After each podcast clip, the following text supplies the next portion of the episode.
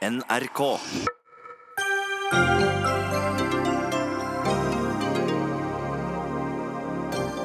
Rogaland KrF skviste ut dem som ville i regjering med Arbeiderpartiet. Ord som kupp og skittent spill ble brukt. I kveld skal tre andre fylker peke ut retninga for partiet. Ingen blir profet i eget land, bare i Kristiansand, sier kunstner Marianne Heske etter at Kunstsiloen i Kristiansand kjøper opp verket som Nasjonalmuseet ikke ville ha. Statsminister Erna Solberg åpnet for å endre abortloven for å komme KrF i møte, men møtte også opprør i og utenfor eget parti. Hvor mange ganger må vi kjempe de samme kampene, spør Sex og Samfunn. Og nå er 70% av Norges befolkning overvektige, ifølge BMI-skalaen. Skal vi like gjerne legge noen kilo på normalvekten, når den nå uansett ikke lenger er normal?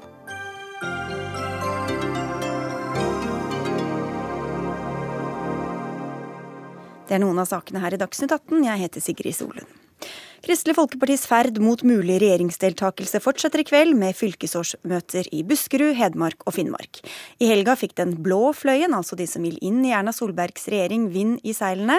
Særlig ble det oppstyr da Rogaland KrF bestemte å sende nesten bare blå delegater til det kommende landsmøtet, selv om en tredel av møtet ønsket å følge partileder Hareides linje og gå til venstre.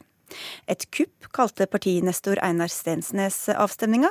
Så mye oppstyr ble det at ledelsen kalte inn til et ekstraordinært landsstyremøte som ble ferdig rett før årsmøtet i Buskerud KrF starter nå klokka 18, hvor du er politisk kommentator i NRK, Magnus Takvam. Hvordan har det som skjedde i helgen preget oppkjøringa til årsmøtet i Buskerud? Nei, Som du er inne på, så har det jo vært en veldig hard debatt etter årsmøtet i Rogaland. Eh, det er nettopp avsluttet et landsstyremøte, som du var inne på. Det som skjedde der, var eh, for det første at Knut Arild Hareide redegjorde litt for hva ledelsen har eh, ment om dette, supplert litt av Bollestad og Kjell Ingolf Ropstad, som for øvrig er her i dag. Og så var det en Det som var av kritiske røster, var nok representanten fra Rogaland som mente at kritikken mot Rogaland etter det som skjedde, har vært altfor hard. Han mente bl.a. det var, eh, var eh, trist at ikke partiledelsen tok kontakt med dem direkte før de gikk ut i media og, og kritiserte offentlig det som hadde skjedd osv. Men bortsett fra det så ble det sagt at det var en gemyttlig stemning. Vi skal høre med noen av dem som var der. Vi har med en fra rød og en fra blå side, kan vi vel si, som begge var på landsstyremøte. Terje Eiken, du er nestleder i Agder Kristelig Folkeparti. Hva fikk du ut av dette telefonmøtet i dag?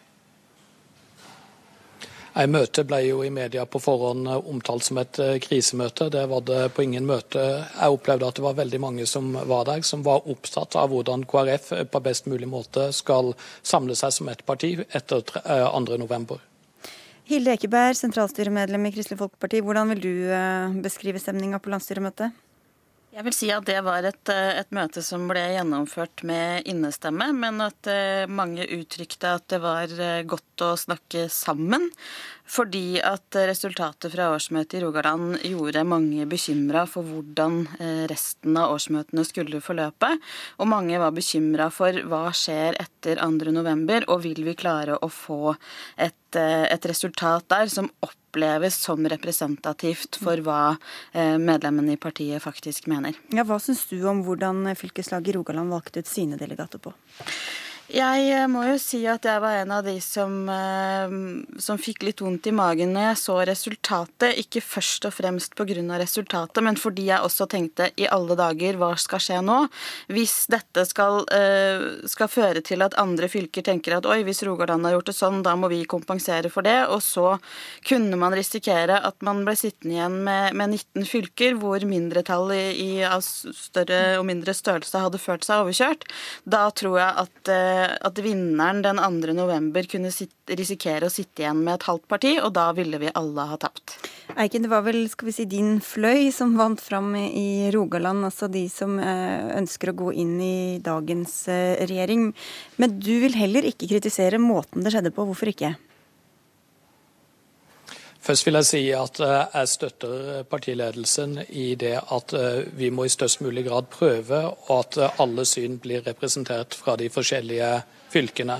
Så når det kommer til det som skjedde i Rogaland, så er det viktig å si at det er gjort på lovlig eh, vis, eh, og at eh, det var forslag på delegater fra begge sider som ble lagt frem. Og så er det sånn at fylkesårsmøtet er suverent.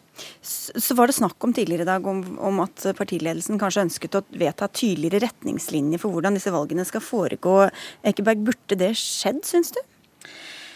Jeg tror, altså Det som mange i landsstyret var åpne på, er at det er vanskelig å, å finne en perfekt voteringsorden som, som oppleves 100% rettferdig av alle. Så jeg tror det ville være vanskelig å lage liksom måte å gjøre det på som ville fungert optimalt i alle fylker. Eh, men det som er viktig, er å understreke at målet for alle er at vi at vi ønsker oss delegasjoner som er representative. Og, og i så måte så, så, kan jeg si at jeg, jeg syns ikke måten Rogaland gjorde det på var klok. Den er lovlig, og det er, det er ingen som kan ta den på det, og det årsmøtet er suverent, men det var ikke vil jeg si, den klokeste måten å gjøre og gjennomføre dette på. I morgen er det deres tur i Agder, Eiken. Kommer det, hvordan kommer dere til å løse dette? Ja, Vi skal uh, ha årsmøte til uh, fredag. Uh, og Nå er vi i en prosess på hvordan vi skal legge opp en avstemning best mulig. Personlig så mener jeg at vi bør gå for et forhåndstallsvalg. Dvs. Si at vi har tre lister, og så stemmer delegatene på den lista som de mener representerer sitt syn best. Mm.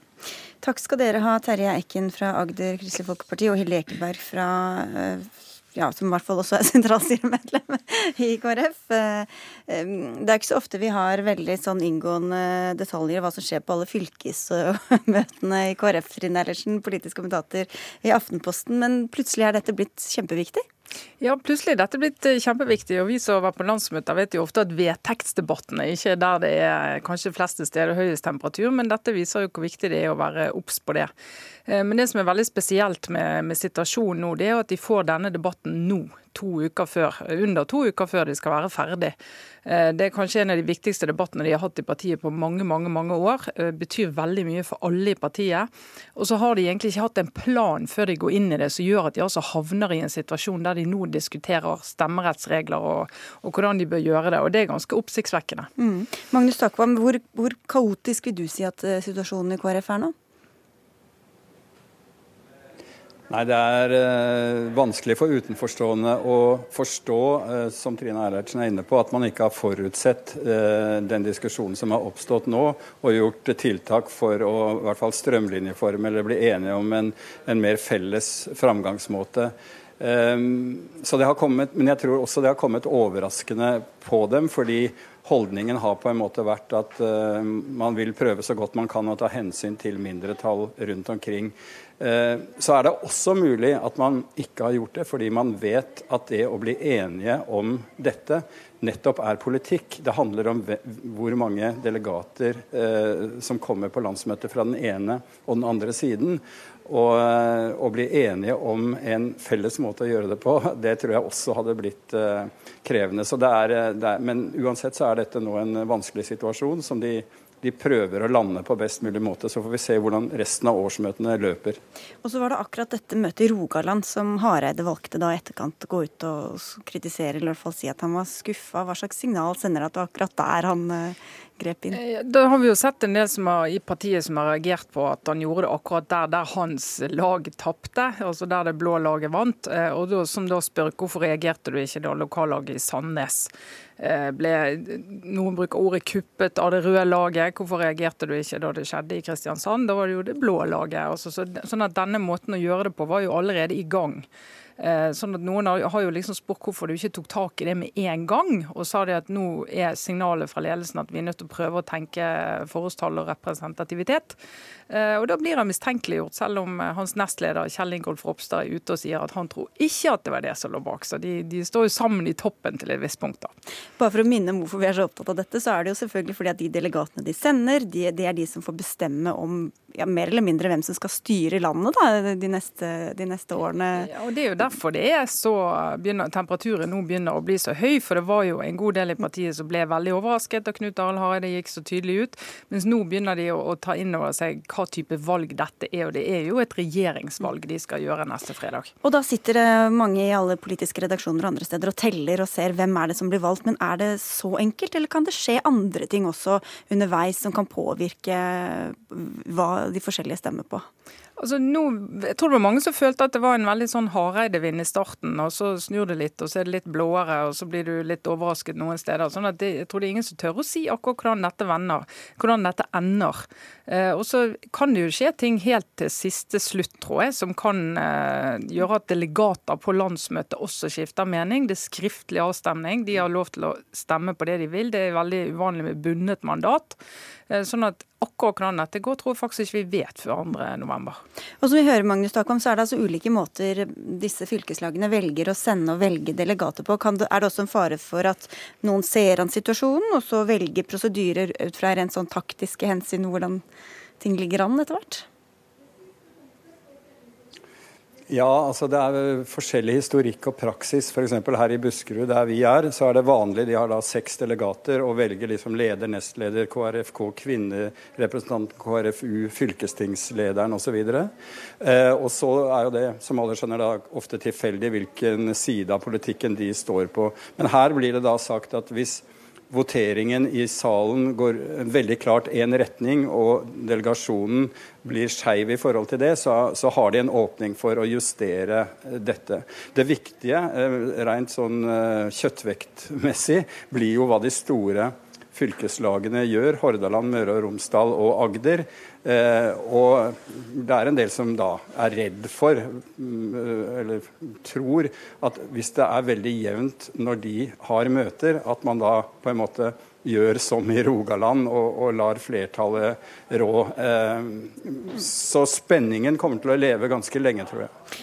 Simen Bondevik, en av Hareides sterkeste forsvarere, Trine Ellertsen, sa, han er leder av Akershus KrFU, sa til dere i Aftenposten i går at han fryktet at utfallet i Rogaland KrF var starten på slutten for Hareide som partileder. Mm. Hvor mye kan Hareide presse på og prøve å påvirke uten at det virker mot sin hensikt?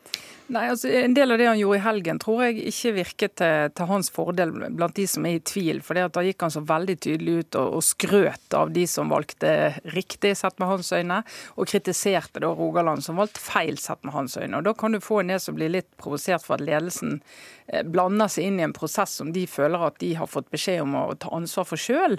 Eh, og denne diskusjonen om Hareide sin, eh, sin posisjon, altså hvis vi kommer frem til 2.11, og hvis han skulle tape dette, så tror jeg veldig, altså, Da er det egentlig ingen tvil om at han må gi seg. For han har, eh, har et splittet parti, og han eh, skal lede et parti som har tatt et valg som han ikke anbefalte. Så da tror jeg tiden er over for han. Tre fylker altså som skal avgjøre sine delegater i kveld. Vi følger med i løpet av gjennom kvelden. Takk skal dere ha for at dere var med Trine Eilertsen fra Aftenposten og Magnus Takvam, vår egen kommentator. Og takk til Terje Eiken, som altså er fra Agder KrFU, og til sentralstyremedlem i KrF Nei, KrFU, sa jeg. KrF, mente jeg. Og Hilde Ekeberg, som også er fra KrF. Dagsnytt 18 alle hverdager klokka 18.00 på NRK P2 og NRK2.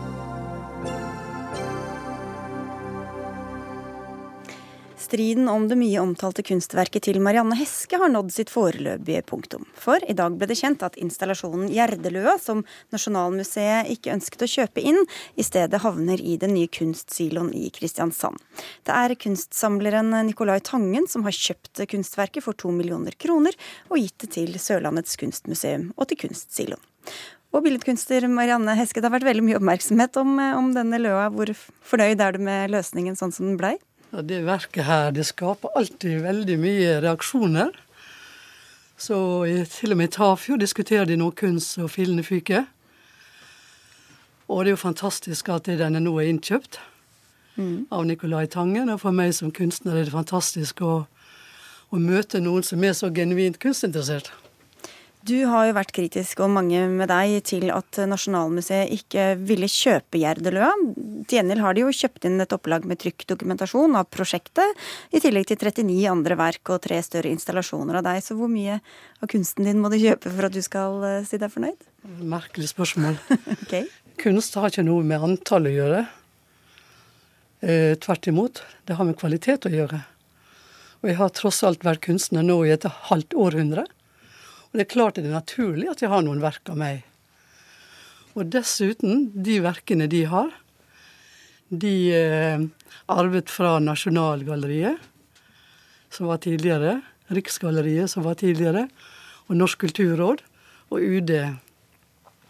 Og de installasjonene de har, som de sier er store, de er fra 80-tallet. Og jeg er ikke opprørt for at Nasjonalgalleriet ikke vil ha mitt verk. Det er ikke det jeg er opprørt av. Jeg er opprørt av måten de har svart på. Og mangel på dialog. Og uprofesjonell, vil jeg si, eh, håndtering av det. Kunne ikke bare da Karin Hinsmo sagt til meg i et møte OK, det verket her er uinteressant for oss. Det er ikke bra nok. Det er Altså, det holder ikke kvalitet. Så har jeg sagt OK, helt OK. Eh, eh, bare si litt om selve prosjektet for alle som ikke kjenner det. Hva er det egentlig det består av? Hva er det du har gjort med det? Det er jo bare noen planker, da. som skaper sånn oppstyr. Nei, det er en gammel eh, utløe, så det var veldig mange av før i tiden. Og den er bygget i 1630 og har mange inskripsjoner innvendig fra middelalderen. Og den fungerte da for gjetere og for husdyr og for vandringsfolk i mange hundre år. Og jeg fikk låne den av bonden i 1980 til å stille den ut i Paris.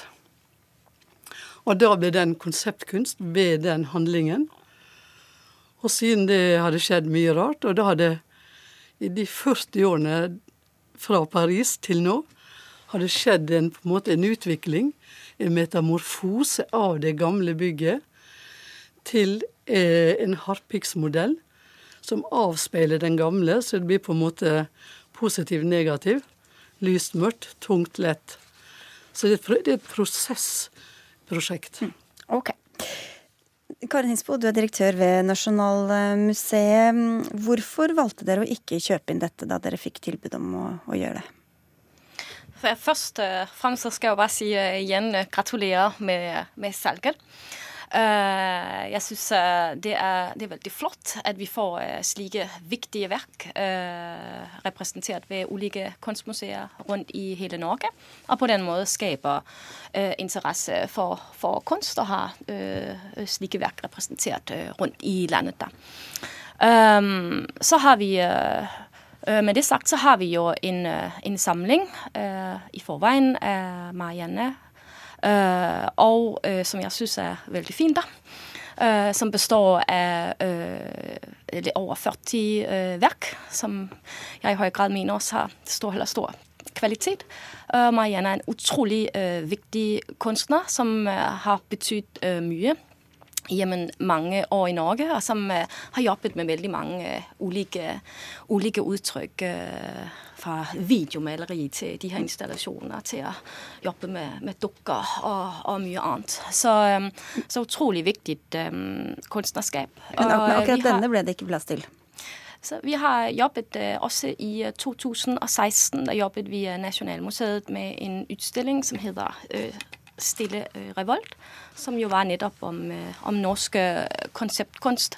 Og i den forbindelse så, øh, så, jobbet vi også sammen med Marianne på å få innlemmet og presentert Hjerteløa i den sammenhengen. Og det skjedde så via den her store installasjonen av fotografier som museet efterfølgende øh, valgte å gå til innkjøp av.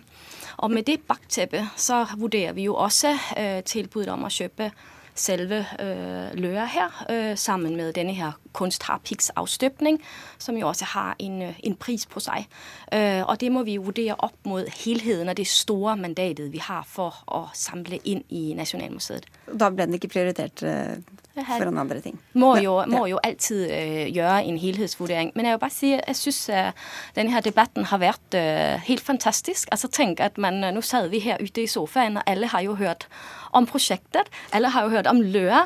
Uh, man sitter, jeg har hørt uh, om hva jeg, man sitter i barselsgrupper og diskuterer innkjøpene til Nasjonalmuseet. Altså, det syns jeg faktisk er Ja. veldig strålende. Men la oss diskutere litt videre da, eh, med deg, Dag Solhjell. Altså, du er kunstsosiolog og doktor filos, og nå får altså dette verket plass i kunstsiloen. Eh, Men du sier at det likevel burde vært på Nasjonalmuseet. Hvorfor er det så viktig akkurat hvor det står? Det er flott at det kommer dit hvor det nå kommer. Men grunnen til at det burde vært på Nasjonalmuseet, det er at Gjerdelua er en av de mest fremtredende norske samtidskunstneres hovedverk. Og et nasjonalmuseum bør samle på viktige kunstneres hovedverk. Det er den ene grunnen til jeg mener at de burde kjøpt inn. Så har dette Nasjonalmuseet det har spesielle forutsetninger for å eh, demonstrere gjennom denne løa hva det vanskelige begrepet konseptkunst er. Og konseptkunst kan ikke erstattes av fotografier av det. Et konseptkunstverk av Marianne Heskes Gjerdeløs type, den må være på et sted hvor det tilsynelatende ikke passer inn. Det må være, et, det må være der i kraft av å være et fremmedelement som setter tanker i spinn. Ok, Så da holder det ikke bare med noen fotografier, eh, Innspo? Viktige poeng det er jo at, eh, at, eh, at Løa jo også så debatt rundt hva kunstrommet er for noe. Eh, og nå har vi jo Marianne, eksperten, til stede her i studiet med oss. eh, Men det ble jo at, eh, at Løa ble fraktet eh, til Paris som en del av denne ungdomsbiennale. og så ble det jo vist på selveste Pompidou-senteret. Og så skulle det fraktes tilbake og, og, og stilles opp igjen i Tafjord. Så det der er jo viktig her, det er jo også at det, det utfordrer hva er kunstrommet for noe. Men nå snakker du for å kjøpe det inn, men det gjorde dere jo faktisk ikke. Jeg syns det er et helt strålende verk. Det er jo Jo, jo, det er ingen Ja, de, hemmelighet. for De kan jo ikke kjøpe inn alt, ikke sant? Og så må de prioritere, og da er det noen ting som men- noen ganger blir det prioritert. er ikke, dette er ikke alt. Dette er ikke hvilket som helst verk. Det er et av de høyest rangerte eh, verk i vår egen norske uh, samtid. Og uh, jeg tenker meg at uh, det, man, det museet, Nasjonalmuseet burde brukt verket til, det er å Som en spydspiss i det førstegangsmøtet mange kunstfremmede har med kunst. Fordi at det er så rikt i sine assosiasjoner. Eh, Og det vil kunne fungere som et innføringsverk sammen med enkelte andre til en bredere kunstforståelse i det hele tatt. For eksempel eh, Man kan nærme seg romantikken gjennom dette, gjennom dette verket. Så kan man gå direkte fra denne Gjerdeløa til brudeferden i Hardanger. Den, det er denne muligheten som jeg mener eh, Nasjonalmuseet nå gir avkall på. Ja, Bare en replikk nå til det nasjonalromantiske, for det er litt morsomt. For verket er jo både middelalderkunst, konseptkunst og en dash nasjonalromantikk. For man ser ikke ett maleri i Nasjonalgalleriet av Tidemann og Gude og hele kompaniet uten at det er en løe bak en stein eller en busk eller på en seter. Så det er litt sånn der Det er referanser og Ja. ja. Men, men, det er fordi, men, ja, men vi må kulturhistorien. det er to mot én her, Hinsbo. Fordi du blir jo eh, anklaget for å ikke skjønne hva Nasjonalmuseet skal drive med. At dere liksom ikke prioriterer de virkelig viktige tingene og kjøper er det japansk, nei, russisk konseptkunst framfor å, å, å kjøpe inn eh, denne løa. Hva svarer du til den eh, kritikken? Først og fremst, vi fikk like spole tilbake og ikke si at du du-form her, men vi snakker uh, på Nasjonalmuseet Ja, på Nasjonalmuseets uh, vegne. sant? Uh, nå er det jo blevet stilt uh, opp uh, Det har jo vært uh, debatt rundt dette, som jeg igjen synes er utrolig flott. Og en av de debattene som den du henviser til her, det er jo at man har stilt opp det her verket av, av Kapakov mot Marianne løer. Uh, og for bare å si at uh, hvis, hvis, jeg ble stilt over for, for, de to verker opp mot hverandre, så tror jeg egentlig også jeg hadde valgt. Uh, men det er virkelig, når vi samler inn, så samler vi inn. Det er en langvarig prosess. Vi utvikler den over tid. Og det som vi ser på, det er jo også hvilke huller er der i samlingen. Vi skal samle veldig bredt inn. Vi er Nasjonalmuseet for kunst, arkitektur og design. Vi har et bredt mandat. Det er jo viktig at vi også samler inn yngre kunstnere, f.eks., og vi må også samle inn eldre øh, øh, kunstnere som øh, lang tid tilbake i tiden. Og øh, noe av det som vi f.eks. også har, har prøvd å satse på øh, i den siste tiden, det er jo øh, øh verk øh, fra 1800-tallet av kvinnelige kunstnere, hvilket det ikke er særlig mye av i samling. Det må vi også øh, prioritere, eksempelvis. Men så blir dere også beskyldt for å ikke ha gått i dialog eller ikke forklart grundig hvorfor dere ikke kjøpte inn denne løa. Hvorfor gjorde dere ikke det? Det er jo igjen det øh, jobb der har vært øh, over tid øh, med Marianne Haska, og med også sett i betraktning av hva vi har representativt i samlingen. Og det er jo selvsagt et spørsmål om kvalitet, men for oss så må vi jo også se litt på hva vi har sammenlagt i samlingen. Men Kunne du ikke sagt det til henne, eller forklart hvorfor dere ikke kjøpte det inn? Jeg, jeg syns jo jeg har øh, Gjennom, sagt det øh, øh, flere ganger. Og de kan kanskje ikke ringe Nei, opp hver enkelt? Det har de absolutt ikke. Altså, det her er svada. Altså, jeg kan ikke sitte her og høre på hele min kunstneriske historie frem til 1980. For dere har ikke verk etter 1980 på 80-tallet. Jo, vi har vel flere verk etter 1980. Nei, ikke det. Gå og sjekke. Det er bare på 70- og 80-tallet. Og kanskje ett Mountain of the Mind fra det første laget. Så det er arbeid fra Nasjonalgalleriet med Knut Berg som direktør. Jeg tror vi har flere Healing Mountain, og vi har også healing eh, Mountain, noen eh, Men kjære deg, Healing Mountain er fra 70-tallet. Okay. Det er fra 70-tallet, det vet jeg jo sjøl. Men nå er, fall, eh, nå er, det på vei til Danmark, ja. og så skal det altså få sitt endelige hjem i Kristiansand etter hvert. Ja, Først skal det en tur innom Himmelbjerget. Fra fjell til fjell. Okay. så, så, og så er jeg veldig glad for at eh, de kommer til får sitt hjem okay. hos noen som er glad i det. Ja, men det var hyggelig. Da fikk den i hvert fall til dels lykkelig slutt eh, for alle parter. Takk skal dere ha alle tre for at dere kom. Dag Solhjell, Karin Hinsbo og Marianne Heske.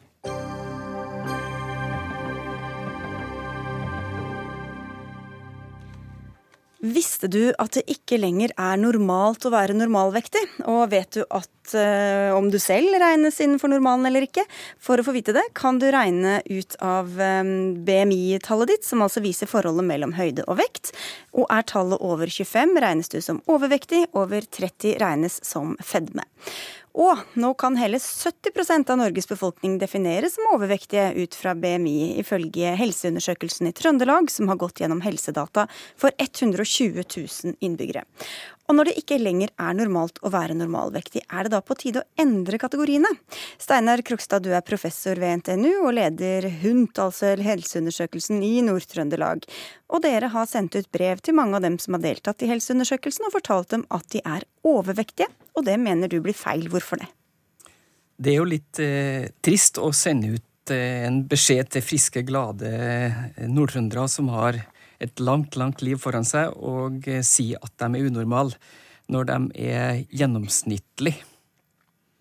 Men de er jo like fullt overvektige, ifølge de skalaene vi har satt opp. Så hvorfor skal de ikke få beskjed om det? Jo, det, det, får de jo beskjed om, for vi valgte jo faktisk å gjøre det og holde oss til den WHO-definerte skalaen. Mm. Eh, men det er jo noe med hvordan du skal forholde deg til, til folk og deltakerne i en helseundersøkelse. Altså hva er det som motiverer dem hva slags beskjed er smart å gi dem. Eh, for eh, er det riktig å gi dem en beskjed om at de er unormale, i hermetegn, så lenge de ikke har noen helsekonsekvenser av det? Vi kan komme litt tilbake til det med helsekonsekvenser, men først ta tak i dette, Gøran Hjelmeset. Du er professor ved Universitetet i Oslo og leder ved Senter for sykelig overvekt i Helse Sør-Øst. Når normalvekt ikke lenger er normalt, hvorfor skal vi da operere med de samme kategoriene som vi har gjort? Ja, dette er jo helt forferdelig å høre på, fordi eh, Overvekt er jo en av verdens største helseproblemer. og Overvekt forklarer jo de aller fleste diabetestilfellene, overvekt og fedme. Slik at Jeg forstår godt at man skal være høflig med studiedeltakere. og Jeg er helt enig i at det er ikke om å gjøre å fortelle de hva de feiler nødvendigvis, men at uh, overvekt er en risikofaktor for alvorlige sykdommer, både diabetes, hjerte-karsykdom og kreft. Det er det ingen tvil om. Men er det fortsatt hensiktsmessig å operere med dette tallet? Hva viser egentlig den BMI-en? BMI det er en risikofaktor. Eh, så eh, hvis man har en BMI som er innenfor normalområdet, så har man liten risiko for fremtidig hjerte-karsykdom og kreft og død. Har man overvekt, så har man 20-30% økt risiko for for tidlig død og for disse sykdommene. Har man fedme, så er risikoen kanskje eh, 70-80-200 mm. større. Så det er snakk om en risikoøkning. Og hvis 40% av den norske befolkning har overvekt og 20% har fedme, da vil det være flere overvektige kanskje som får hjerte-karsykdom og kreft, enn de som har fedme totalt. Så for samfunnet så er dette veldig viktig å definere at dette er en alvorlig risikofaktor, og det er om å gjøre å redusere eh, overvekt og fedme i landet. Og Hvilke signaler sender man da, Krokstad, hvis man endrer på denne skalaen? Ja, nei, dette er jo komplisert og eh, ikke noe fasitsvar på. Men det er jo spennende å diskutere. Eh, for så spørsmålet hva er et godt råd til folk da, som la oss si har 5-6-27 i BMI som gjennomsnittet har. Og det, det, hadde vært interessant å høre hva Hjelmeset uh, si. Altså hva er et godt råd for folk som har ja, si 26 i BMI? Ja, jeg har gitt mange eh, råd som er basert på internasjonale retningslinjer og forskning på det. Og jeg kan godt svare på det først, men jeg vil gjerne komme tilbake til folkehelseaspektet etterpå. Og det jeg sier er at Hvis man har en BMI mellom 25 og 30 og ellers er frisk, eller tror man ellers er frisk, da er det viktigste å forebygge utvikling av fedme. Så da bør man kanskje øke fysisk aktivitet, følge norske aktivitetsråd en halvtime om dagen f.eks. Og ikke minst følge norske retningslinjer for kost, så man kan forebygge utvikling til fedme. Fordi risikoen for den enkelte er tross alt ikke veldig høy. Vi snakker om 20-30% økt risiko. Og vi vet at hvis man forsøker å gå ned i vekt eller slanke seg, så er det en viss fare for at det opptrer jordslanking, og da kan man slanke på seg fedme. Ja, for Det høres ut som det er det du er, vil advare mot, Krokstad. At hvis man får vite at man er overvektig og har en BMI på 26 eller 27, da, som hva skal vi kalle det, man litt lubben eller litt rund, hva er da faren ved å henge seg opp i det? Ja, altså, Jeg er jo enig med Hjelmeset. Altså, da er det jo gode råd om mosjon og kost. Men jeg vil heller ikke da råde dem til å begynne å på en måte gå ned i vekt. Altså, for jeg tror det beste rådet kanskje for dem er å holde vekt og være fornøyd. Men er det ikke farlig, mener du, å ha en BMI på 25 eller 26 eller 27?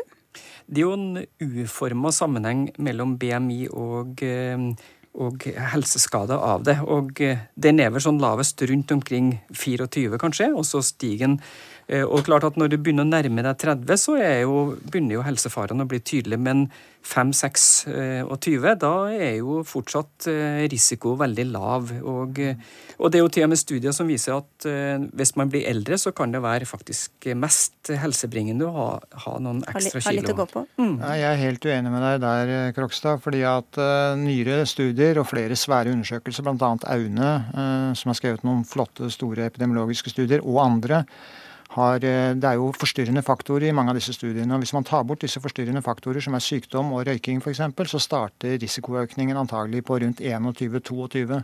Så risikoøkningen starter allerede innenfor vårt såkalte normalområde, eh, og er økt eh, nærmest lineært eh, deretter. Men en ting er jo studier på gruppenivå. Hva sier det hver enkelt, enkelt, av oss, når man vet at det kan jo være muskelmasse eller alle mulige andre grunner til at man har en litt høy BMI, da? Ja, det er en veldig fin unnskyldning, men det er en veldig klar sammenheng mellom BMI og fettmasse. Og har du en BMI på 25 eller mer, så har du mer fett enn det du trenger, det er helt sikkert.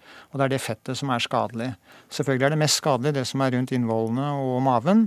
Ja, for det ser man jo ikke nødvendigvis på en BMI. Du kan være hva skal vi si, tjukk innvendig, men Nei, men det er også en veldig sterk sammenheng mellom BMI og midjemålet. Sånn at uh, det er helt klart at uh, man, uh, man, luller seg inn i en fantasi hvis man tror at man har så mye muskler. Det er kun idrettsfolk som trener mye, som kan forklare en BMI over 25 med økt muskelmasse, ikke vanlige folk.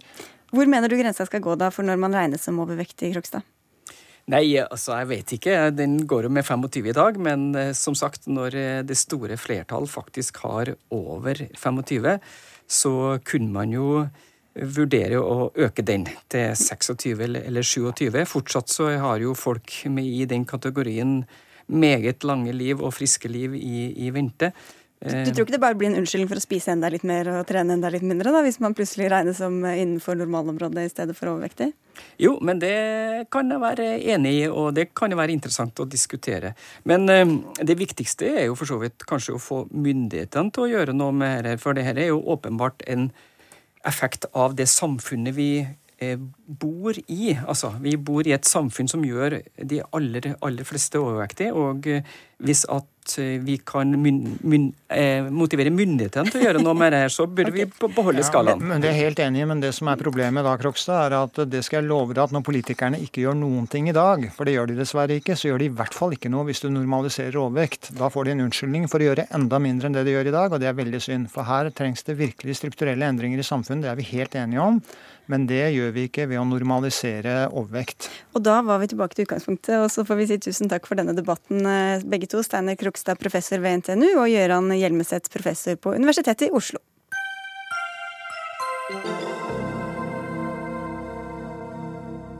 I tilfelle noen ikke har fått det med seg, både høyre- og venstresida frir nå til Kristelig Folkeparti for å få partiet til å velge deres side i politikken. Og dermed gikk også nestleder i KrF Kjell Ingolf Ropstad ut og sa at et av partiets viktigste krav for å gå i regjering er å endre abortloven. De vil fjerne en paragraf som åpner for abort etter uke tolv, bare ut fra om det er stor fare for alvorlig sykdom hos barnet, og det vil hindre muligheten for å ta abort på ett av flere fostre i magen. Dette sa Erna Solberg seg villig til å diskutere, og da ble det bråk. Stortingsrepresentant Mathilde Tubring-Gjedde fra Høyre, hvorfor er abortloven egnet som noe å friste KrF med? Altså, det er ikke noe å friste KrF med, men vi fikk en konkret utfordring fra nestleder i KrF om eh, hvorvidt også viktige verdisaker for KrF skulle være en del av forhandlingene. Og eh, da mener jeg helt naturlig at lederen av Høyre sier at selvfølgelig skal også KrF sine verdisaker kunne være en del av forhandlingene. Og også KrF skal kunne få et verdiavtrykk i en eventuell regjeringserklæring. Men verdisaken her var jo altså en endring av abortlov, et, et tema som også var oppe på Høyres landsmøte i 2013, hvor Erna Solberg ønsket å endre den i hva skal vi si, KrF-retning. Hun ble nedstemt etter mye og høylytt diskusjon. Hvorfor da åpne for dette, når dere faktisk har helt andre vedtak eh, på dere, i deres eget program? Så Høyres standpunkt i denne saken er veldig klar. Vi ønsker ikke å endre abortloven 2c. Og det har også statsministeren vært veldig tydelig på. Hun har også sagt at dersom en eventuelt, i en eventuell forhandling skulle se på abortloven 2c og det elementet som eh, KrF mener er diskriminerende, eh, så vil det være eh, veldig viktig å understreke. Og hun mener er diskriminerende. Og hun mener er diskriminerende, og at Erna Solberg har sitt syn på dette. Har vært kjent lenge. Men da er det også veldig viktig, som statsministeren understreket, at kvinnens, hensynet til kvinnens egenvurdering av situasjonen etter uke tolv skal tillegges stor vekt, og at ikke kvinnens rettigheter skal endres. Ingvild Kjerkol, du er eh, stortingsrepresentant for Arbeiderpartiet og sitter i helse- og omsorgskomiteen. Det er jo ikke veldig overraskende at Erna Solberg eh, mener dette. Hvorfor reagerer dere da sånn på at hun sier det høyt? Det statsministeren gjorde forrige uke, det var å skape usikkerhet om et spørsmål som er følsomt for alle parter. Det var veldig uklokt av statsministeren, og ikke en verdig seanse, vil jeg påstå. Hvorfor ikke? Vi, vi, snakker en, vi snakker kanskje om den viktigste likestillingsloven siden den ble innført for 40 år siden, for å sikre kvinner frihet over eget liv og sikkerhet for liv og helse. Og jeg må si at jeg syns det er jeg syns det er direkte trist å lese statsministerens egne ord, hvor hun bruker en paragraf og omtaler den som en Downs-paragraf og si at den loven som vi har nå, er diskriminerende for barn eller foster med Downs. Det syns jeg er en utrolig uttalelse fra en statsminister.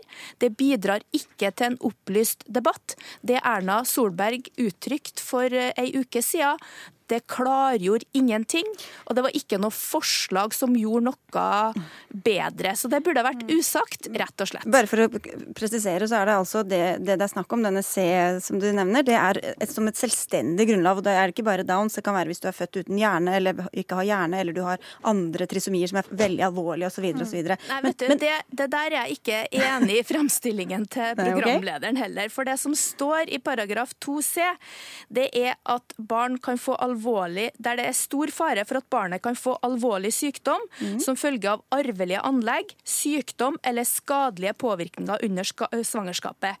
Og Downs syndrom regnes ikke yrket av medisinere for å være veldig alvorlig. Naturlig nok, for det er veldig mange som lever eh, lange, gode liv med dette kromosomavviket, som er det aller vanligste blant kromosomavvik.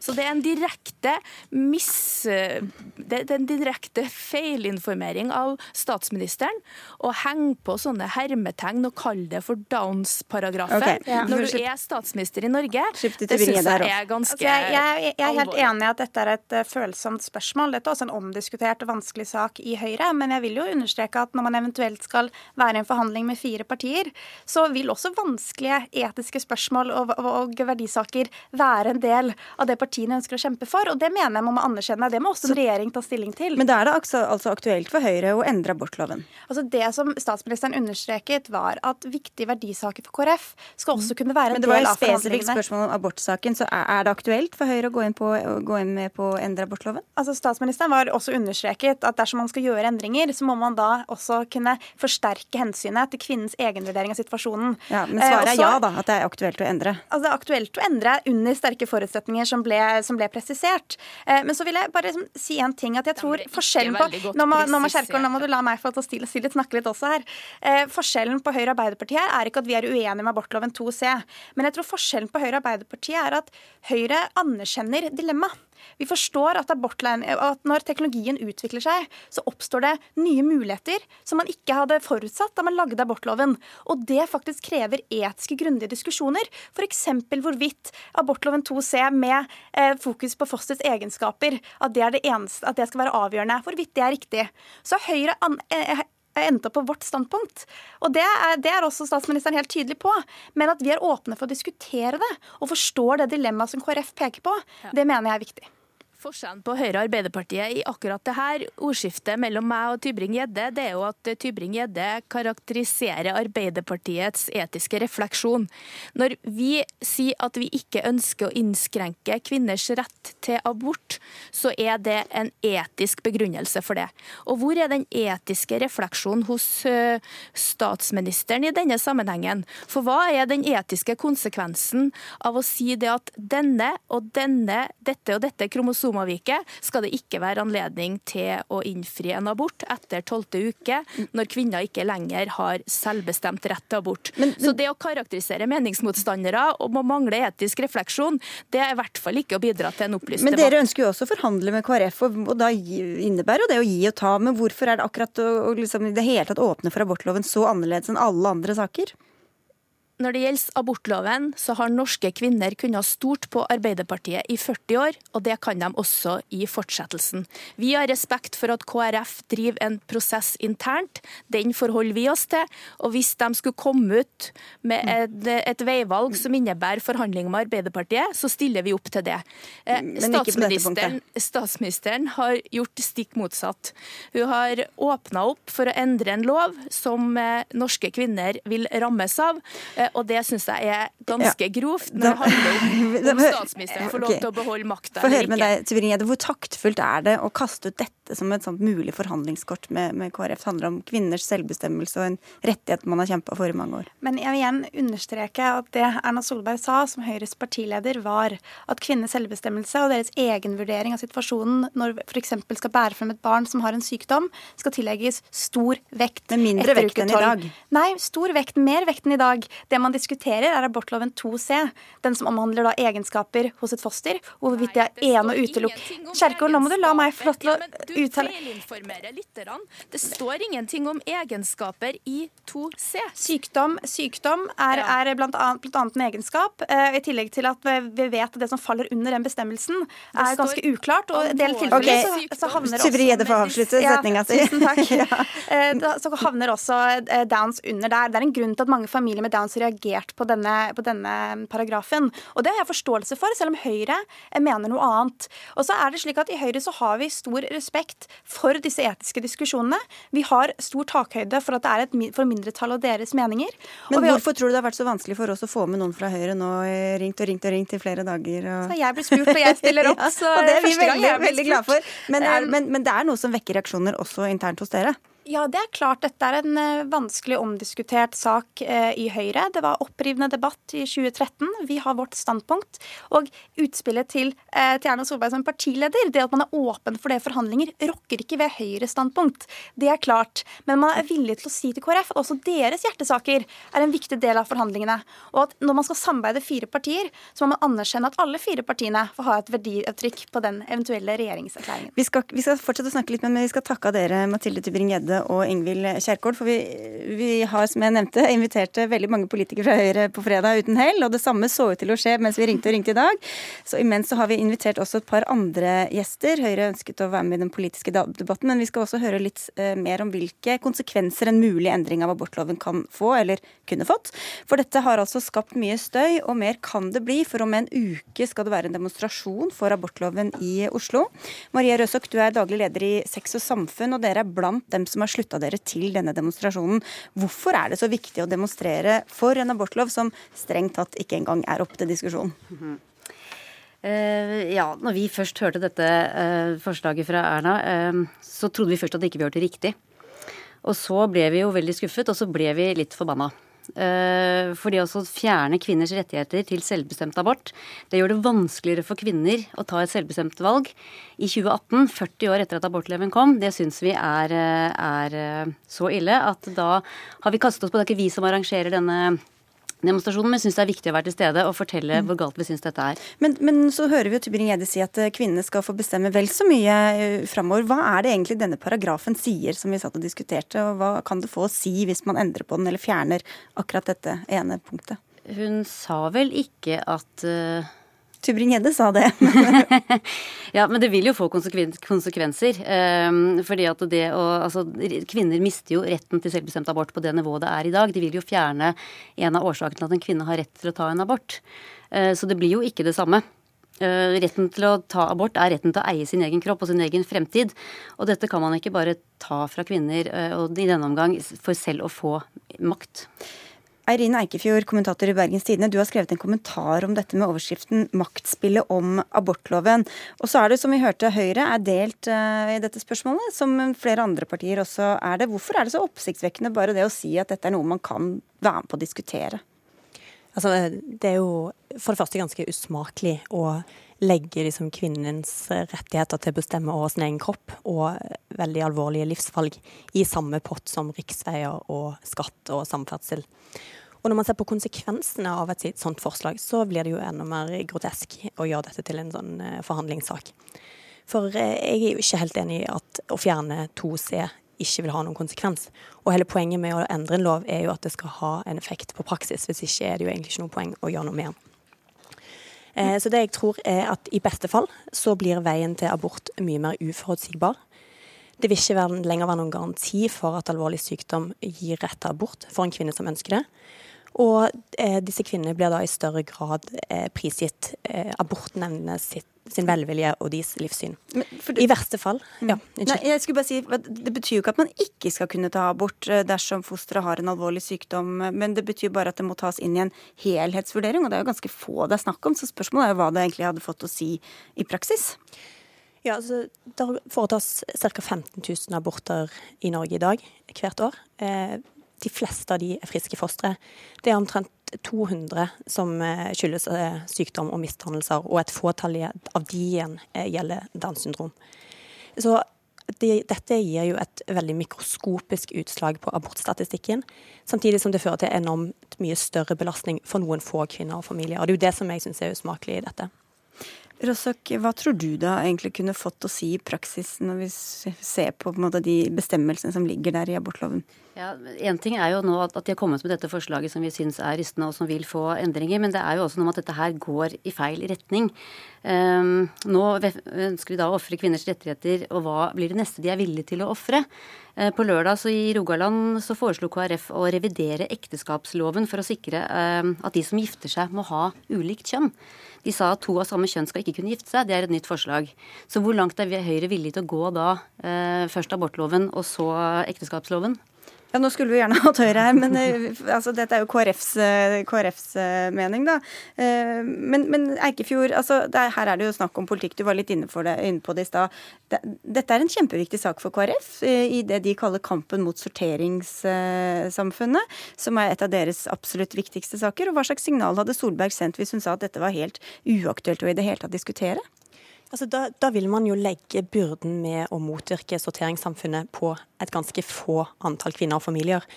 Og da ved da i realiteten å, å altså ytterste konsekvens tvinge kvinner til å bære fram syke barn som de ikke ønsker seg. Og da leve resten av livet med en tung omsorgsbyrde.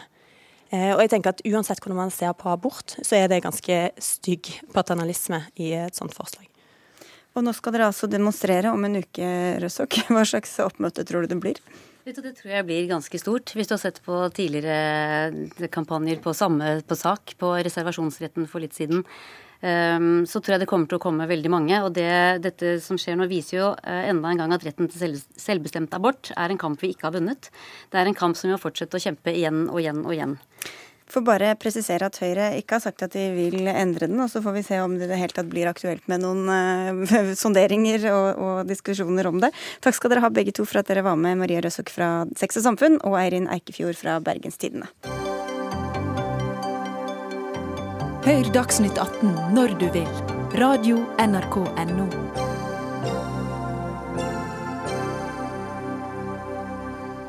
Debatten om virkelighetslitteratur har rulla og gått i noen år nå, etter romanutgivelser fra forfattere som eh, Karl Ove Knausgård og Vigdis Hjorth. Men nå er det en ny bok som får kritikk for å henge ut virkelige mennesker, og det fra noen som tidligere har forsvart de nevnte romanene, som ble beskyldt for å gjøre det samme. For en bok skrevet av bloggeren Anniken Jørgensen er blitt beskyldt for å utlevere en person, som for øvrig også truet med et søksmål, og hvor forlaget da gikk med på et forlik.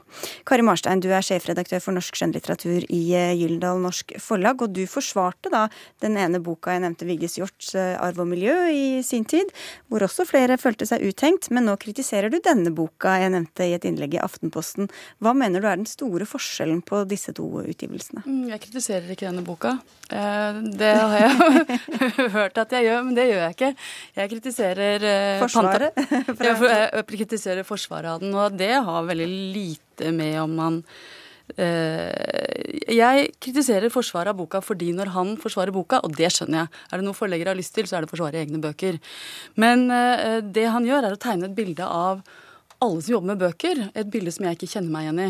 Han sier at det finnes en elite som har skandalisert eller sagt at denne boka er skandaløs. Uh, og det er jo ikke tilfellet sånn som jeg ser det. Boka er blitt kalt skandaløs i mediene fordi et menneske som er omtalt i boka, har følt seg uthengt og gått rettens vei, som du sa. Men uh, det er det eneste som gjør at denne boka er blitt kjent som skandaløs. Mm. Uh, ikke en sur og gretten elite. Vi begynte kanskje litt feil ende, da. Vi får høre med deg, Kristoffer Gaarder Dannevik. Du er altså kommunikasjonssjef i Panta forlag, som har gitt ut, den, gitt ut, denne boka fra bloggeren Anniken Jørgensen. Og det er vel egentlig du som kommer med sammenligninga mellom eh, bøkene til Hjort og Knausgård og hennes bok. Hva er egentlig likheten? Ja, vel, boken til Anniken Jørgensen, 'Bare en natt til', eh, handler om hennes voldsomme forelskelse som 15-åring. Eh, og hennes dype kjærlighetssorg og depresjon etterpå. Så dette er en personlig beretning der hun eh, åpner seg om alle sine innerste følelser. Eh, og hun forteller fra, fra, sitt virkelige liv, slik også Knausgård og Vigdis Hjorth har gjort tidligere. Men de har vært veldig tydelige på at de skriver fiksjon, at det er romaner, og dette er en selvbiografi. Men alle vet jo at de skriver uh, basert på egne opplevelser. Og hennes søster uh, Helga Hjort har jo sagt at det bildet Vigdis Hjort tegner av familien, er likt hennes familie på en prikk. Det er så lik at hun ville ta til motmæle og skrive noe nytt. Så poenget her er at det nye her er ikke innholdet i boken. Er, der er det andre forfattere før som har banet vei. Uh, det, det nye her er at man kaller det en skandale. Ja, og det er det jo ikke du som har gjort, Marstein, men hva er det? Men nå ble det jo, blir jo også de bøkene kalt skandale. Det er jo ikke det at uh, Vigdis Hjorth og Karl Ove Knausgård ikke har møtt kritikk. Det har jo vært debatter om de bøkene som foregår ennå i dag.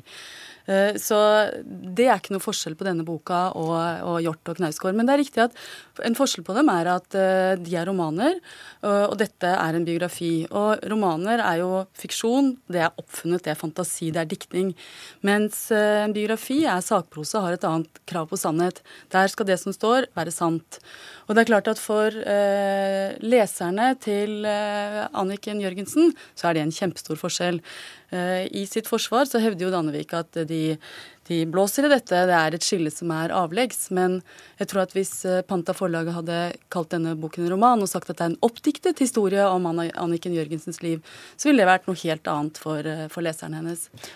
Det jeg mener er jo at eh, Anniken Jørgensen er jo på en måte ærligere enn Knausgård og Hjort, fordi hun legger ikke skjul på at dette er hennes personlige sannhet. Hun eh, gjemmer seg ikke bak et slags falskt falsk slør av fiksjon og putter en påklistret lapp hvor, det dette, hvor dette skal hete roman.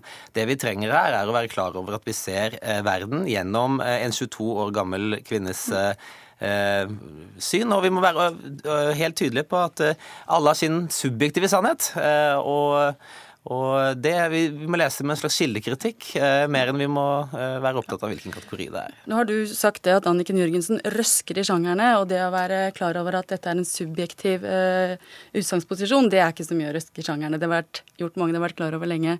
Det Dannevig også gjør, er jo å sammenligne boka med Bjørneboe og Bjørneboe-saken på 60-tallet. Det var jo en sak hvor staten, altså selve samfunnet, gikk til sak mot eh, en bok og mente at den var, den var pornografisk. Eh, og den ble forbudt, eh, og de som utga den, fikk en straff, og den gikk helt til Høyesterett. Dette er jo en helt annen sak enn det vi, det vi ser i dag, hvor det ikke er staten, samfunnet eller noen elite som prøver å stoppe en bok, men ett enkeltmenneske som føler seg uthengt, og som går rettens vei. Ja, grunnen til at jeg tar opp dette med Bjørneboe, er jo for å sette det litt i, i sammenheng. Poenget er at uh, Bjørneboe ble også stoppet uh, uh, i boken han skrev, og her ble den forsøkt stoppet. og selv om det finnes fortsatt en paragraf om sømmelighet eh, som kunne forhindret bøker som Bjørneboe Men det er to ting på ytre, ytre ting skjer. Dette er to helt forskjellige ting. okay. ja, eh, Dannevig sier at denne boka Nå må du La meg fullføre poenget, da. Ja, du, du, Fordi Poenget er at det har vært en utvikling i samfunnet, og nå er det ikke så stor forskjell på offentlighet og privat sfære slik det var før. Eh, og Sånn sett er dette en bok av sin tid. Eh, også selv om... Du snakker fremdeles ikke om det vi snakket om nå. Dette er at du sammenligner det, altså Du sier at uh, hun unngikk sensur fordi at hun Du kunne sammenligne henne med Bjørneboe, som på en måte ble sensurert. Det er noe helt annet. Det å si at det er en glidning mellom offentlig sfære og privat sfære, er ikke det samme, Dannevig. Uh, det kan vi godt være enige om, men, men, du kan ikke bruke sånne ord som, som sensur da. Nei, altså men du, bare fordi det også var litt innom det dere begge skrev, at dette kunne handle både om, om uh, sjanger, som vi var inne på, men også om litterær kvalitet. Spiller det inn i det hele tatt i hvordan du vurderer dette? Hvordan jeg Nei, altså om, om, boka, om boka, er god eller dårlig? Jeg har ingenting å kritisere Anniken Jørgensen eller boka for. Jeg kritiserer ingen ung kvinne dette her. Jeg kritiserer kanskje en ikke fullt så ung eh, mann og forlagsmedarbeider, men jeg har ikke noe å, å si om boka i Nei, mitt innlegg. Men, men, du skriver i Aftenposten at den litterære verdien hos Hjort og Knausgård kan veies opp mot det etiske problematiske mm. ved å skrive om levende mennesker. Mm. Så hvordan kan det tolkes annerledes enn at det hadde vært mer akseptabelt å gjøre det når den litterære kvaliteten er høy? Eh, jeg mener jo at nettopp fordi vi snakker om fiksjon, og dette er, et, uh, dette er en svær debatt som har pågått lenge, og uh, der man nettopp står i et, et uh, evig etisk dilemma når det er bøker som nærmer seg virkeligheten, sånn som disse bøkene skal ha gjort. og at kvalitetskriterier er også med i vurderingen er dette verdt å utgi eller ikke. Men her fins det ingen helt generelle svar eller prinsipper, men en etisk debatt som må tas i, eller diskusjon som må tas i hvert enkelt tilfelle. For det første så mener jeg jo at eh, vi må være opptatt av hva, som, hva, boken inneholder, eh, og ikke hvilken hylle den står på. Men jeg mener jo likevel bestemt at denne boken har blitt møtt med en slags urettferdighet. Både fra noen, noen eh, VG-journalister, og fra forlagsfolk, og fra eh, lektorer som har kritisert boken. Jo, men og, alle forlagsfolk mener at bøkene Det er jo Alle forlagsfolk mener at bøkene blir ja, men La meg fortelle en historie. For, det er ikke så lang historie nå. det har En bitte liten historie for å illustrere det. Jeg har sett mange forfattere politikere stotre seg nervøst fram foran TV-kameraene. Når Anniken Jørgensen ble intervjuet av NRK Nyheter, så hadde hun en ro jeg sjelden har sett. Hva har det med saken å gjøre? Helt, det kommer jeg til. Så, så hun uttrykte seg med en klarhet jeg har sjelden sett. Det var ett lite sted jeg tenkte det kom ikke så godt ut. Hun sa tre ufullstendige setninger på rad. Det skjer under en lang samtale. Så er det akkurat de setningene som kommer på skjermen. Og for meg som jo, men... var der til stede, så er det ganske tydelig at man, at man, liker å spille litt på dette. At hun er en ung blogger, og at man liker å på en måte eh, Jeg tror det er mange som kan det gjøre litt narr av det. Dannevik peker på her, er jo at det er en svært medievant person vi snakker om. Som han selv påpeker i innlegget sitt, så er det en person med masse økonomisk makt og stor påvirkningskraft. Og så fikk vi enda litt mer eh, reklame her. Vi er ved veis ende, beklager. Kristoffer Gårde Dannevik, takk for at du kom til Dagsnytt 18. Tusen takk også til deg, Kari Marstein fra Gyldendal. For Dagsnytt 18 har ikke mer tid igjen å levere ut. Det var Jarand Ree Mikkelsen som hadde ansvaret for sendinga. Eli Kyrkjebø hadde det tekniske ansvaret. Jeg heter Sigrid Solund, og vi ønsker en fin kveld videre.